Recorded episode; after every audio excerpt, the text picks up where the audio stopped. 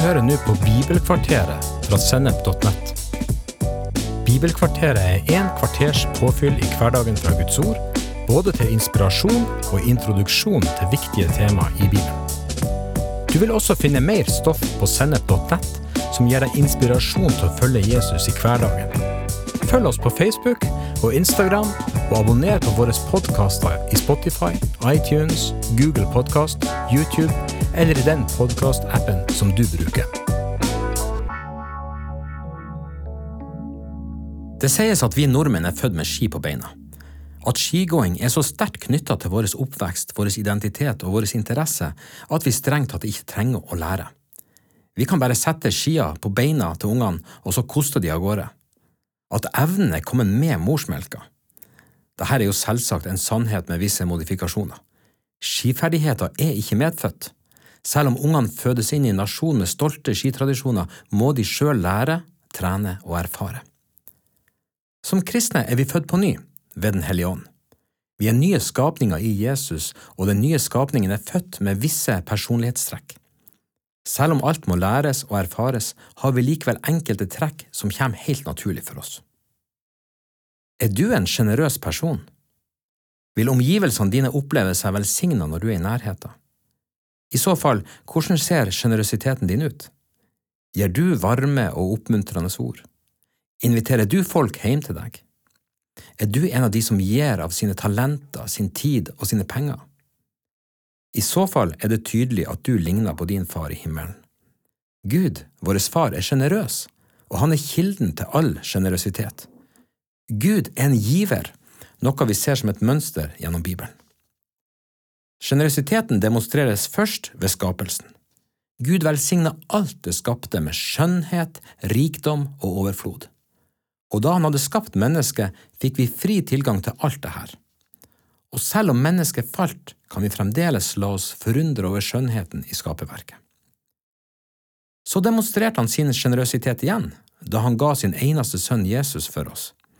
Ei handling basert på ren, betingelsesløs kjærlighet. Og for oss som har tatt imot Jesus, har vi nå sterke løfter om velsignelse, både her på jord, men også med evige perspektiv. Efeserne 1,3 forteller oss at vi i Kristus er blitt velsigna med all åndens velsignelse i himmelen, noe som betyr at alle åndens ressurser og kvaliteter er tilgjengelig for oss. Og i Matteus 6,11 ser vi at Far i himmelen ønsker å gi gode gaver til de som ber Han. Den samme sjenerøsiteten ser vi blant de første kristne. I apostlenes gjerninger leser vi at de hadde alt felles. Det står at ingen leide nød, for de som eide jord eller hus, solgte det og la pengene ned for apostlenes føtter, sånn at alle fikk det de trengte. Å dele er et praktisk uttrykk for kjærlighet. Å gi til andre viser hva som bor på innsida av deg. Kjærlighet er både et valg, men òg en følelse. Du kan velge å gjøre gode gjerninger bare fordi du vet det er rett, men en sjenerøsitet kan også fødes fram ved at Guds kjærlighet flammer opp i hjertet ditt. Jesus hadde hjerte for folk. Han gråt over tilstanden i Jerusalem, og det står at han fikk den rike unge mannen kjær. Jesus hadde sann medfølelse og elska både fra hjertet og i sine handlinger. Hvis du syns det er vanskelig å være en giver, kan det hende at hjertet ditt trenger å vekkes. Kanskje du trenger å be Gud om å fylle hjertet ditt med kjærlighet og sjenerøsitet ved Den hellige ånd. Og når hjertet ditt kvikner til, da kan du trene deg på en sjenerøs livsstil. Kjenner du til boka Kjærlighetens fem språk? Boka er skrevet av den kristne psykologen Gary Chapman, som hevder at kjærlighet uttrykkes ved hjelp av fem forskjellige kjærlighetsspråk. Chapman mener at hvert menneske har ulike uttrykk, og at vi må kjenne hverandres språk for virkelig å kunne demonstrere kjærlighet. De her fem kjærlighetsspråkene er fysisk kontakt, anerkjennende ord, tid sammen, gaver og tjenester. Utgangspunktet for boka er å hjelpe ektepar til å kommunisere kjærlighet på en måte som partneren forstår, men teorien er både interessant og nyttig for alle mennesker og alle typer relasjoner. Disippelen Johannes oppfordrer oss til å elske hverandre, ikke med tomme ord, men i gjerning og sannhet. De her kjærlighetsspråkene kan hjelpe oss til å finne et praktisk uttrykk for den kjærligheten vi har til våre brødre og søstre. Mine søsken de kan kjenne at jeg elsker de med å gi de fysisk kontakt. Det kan være et klapp på skulderen, holde rundt hverandre, gi en god klem, eller for den del et hellig kyss. De kan oppleve kjærlighet ved at jeg gir anerkjennende ord. Jeg kan verbalt bekrefte både deres verdi og deres innsats. Jeg kan gi komplimenter, ros og omsorgsfulle ord. Jeg kan også vise kjærlighet ved å gi av tida mi, og aktivt prioritere fellesskap. Jeg kan invitere til middag, ta folk med på kafé eller slå av en prat på telefon.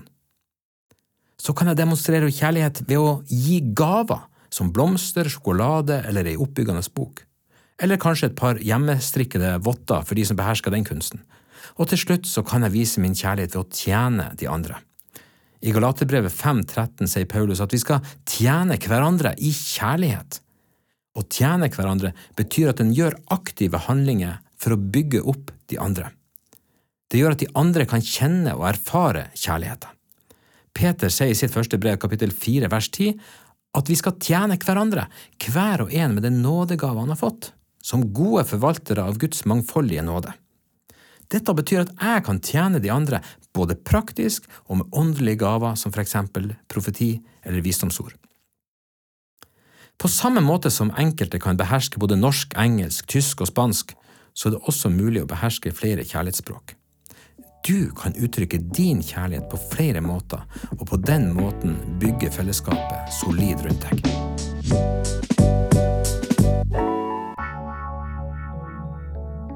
Som disipler av Jesus vil sjenerøsiteten vår ha flere retninger, og her skal du få fire konkrete punkt. Vårt første fokus skal være å elske Gud. Jesus sa at det største budet var å elske Gud av hele sitt hjerte, hele sin sjel og hele sin forstand. Husker du hun kvinna som hadde med seg en alabastkrukke med verdifull salve? Hun gråt og væta Jesu føtter med tårene før hun tørka føttene med håret sitt og smurte de inn med salven. En utrolig demonstrasjon av tilbedelse. Verdiene av salven tilsvarte ca 300 dagslønner, og hun tømte salven utover Jesus, samtidig som hun øste ut sitt hjerte ved tårer og kyss. Vi kan også være sjenerøse i tilbedelsen. Vi kan elske Gud sjenerøst med våre gjerninger, våre takknemlige hjerter og vår lovprisning, både når vi er alene og når vi er sammen som menighet. Lovsang er ikke bare å synge sanger, men vi bruker ord og toner til å tilbe den levende Gud i takknemlighet og overgivelse. For det andre er vi sjenerøse overfor våre søsken. Galaterbrevet 6.10 sier, La oss gjøre godt mot alle så lenge det er tid, og mest mot de som er vår familie i troa. Det er et privilegium å være søsken i Herren. Jesus tar oss inn i sin kjærlighetspakt, der vi elsker hverandre sånn som Jesus har elsket oss. I andre korinterbrev leser vi hvordan Paulus la til rette for ei stor innsamling av økonomiske midler til menigheter i Jerusalem. I den forbindelse sier han i kapittel 8 vers 13 og 14, Det er jo ikke meningen at andre skal få hjelp og dere har det trangt, men det skal være likhet. Denne gangen har dere overflod og kan hjelpe dem som lider nød, en annen gang har de overflod og kan hjelpe dere når dere lider nød. For det tredje gir vi til Guds byggearbeid, menigheten. Da Moses skulle bygge tabernaklet, ga gudene en detaljert beskrivelse av hva som var nødvendig. I andre Mosebok kapittel 35 leser vi at Moses oppmuntra hele folket til å gi en offergave til Herren av det de eide.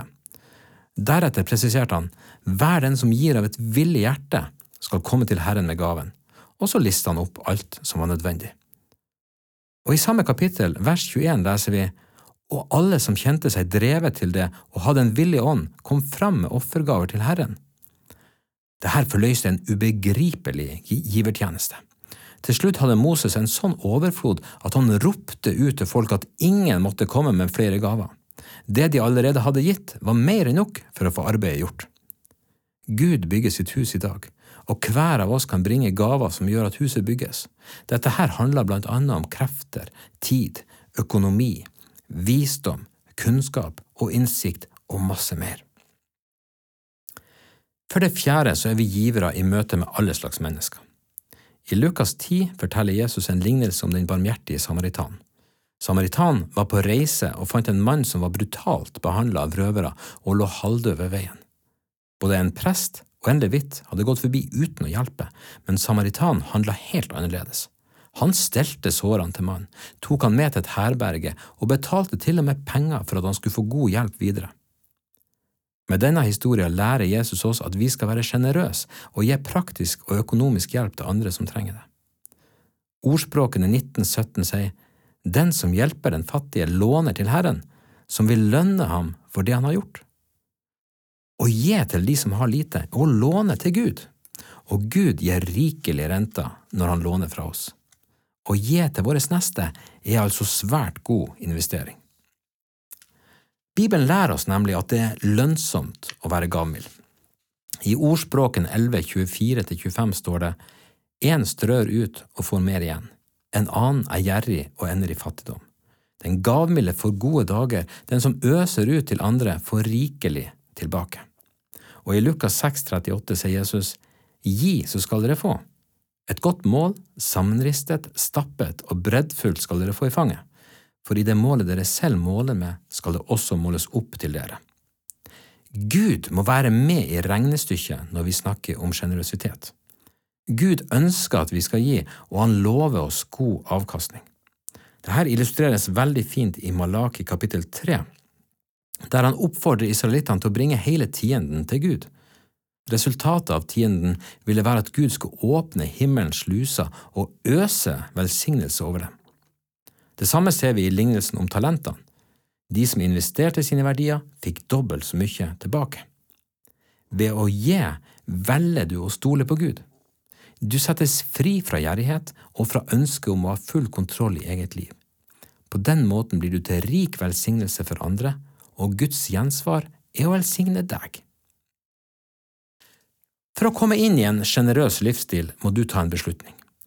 Du må be Gud om å berøre hjertet ditt, sånn at du med stor glede kan gi av deg sjøl, dine talenter og dine midler.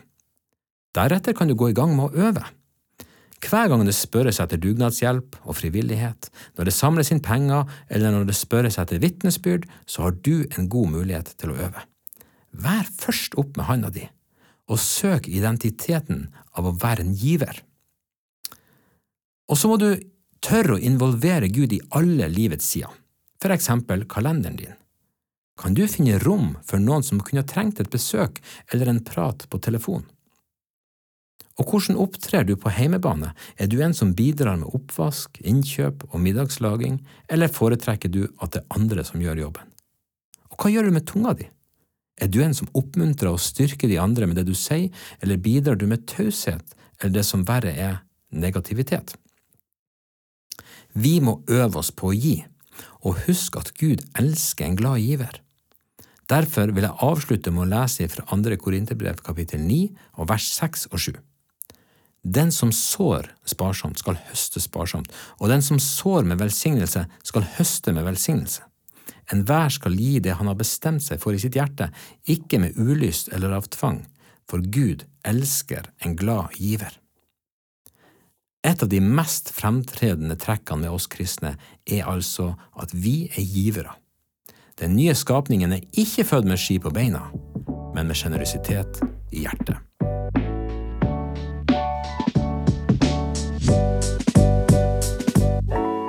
Du har hørt en episode fra Bibelkvarteret på sennep.nett.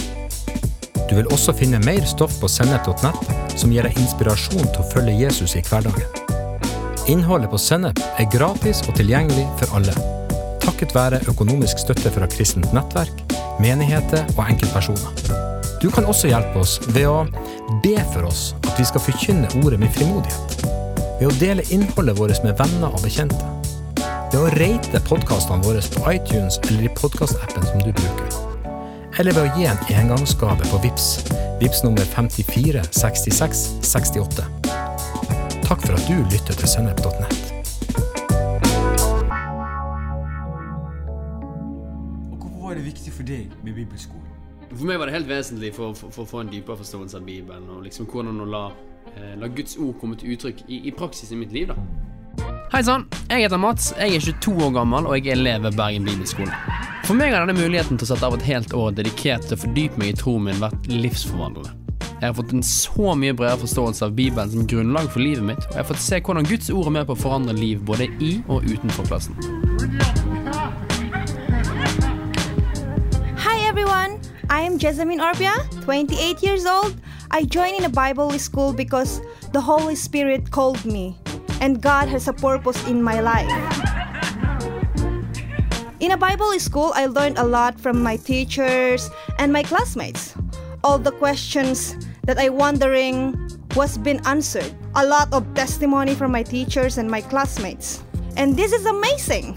Store deler av skoleåret skjer utenfor klasserommet, og vi får utfordre grensene våre gjennom gateevangelisering, hvor vi går ut på gaten for å dele evangeliet, og gjennom praksisreiser som skolen tilbyr. Vi har to praksisturer, en innenlands og en utenlands, hvor vi får reise rundt i mindre team og bidra i tjeneste i forskjellige menighetsarbeid. And we go to the street to evangelize, to share the gospel of God, and to heal those people need healing. And this is fantastic.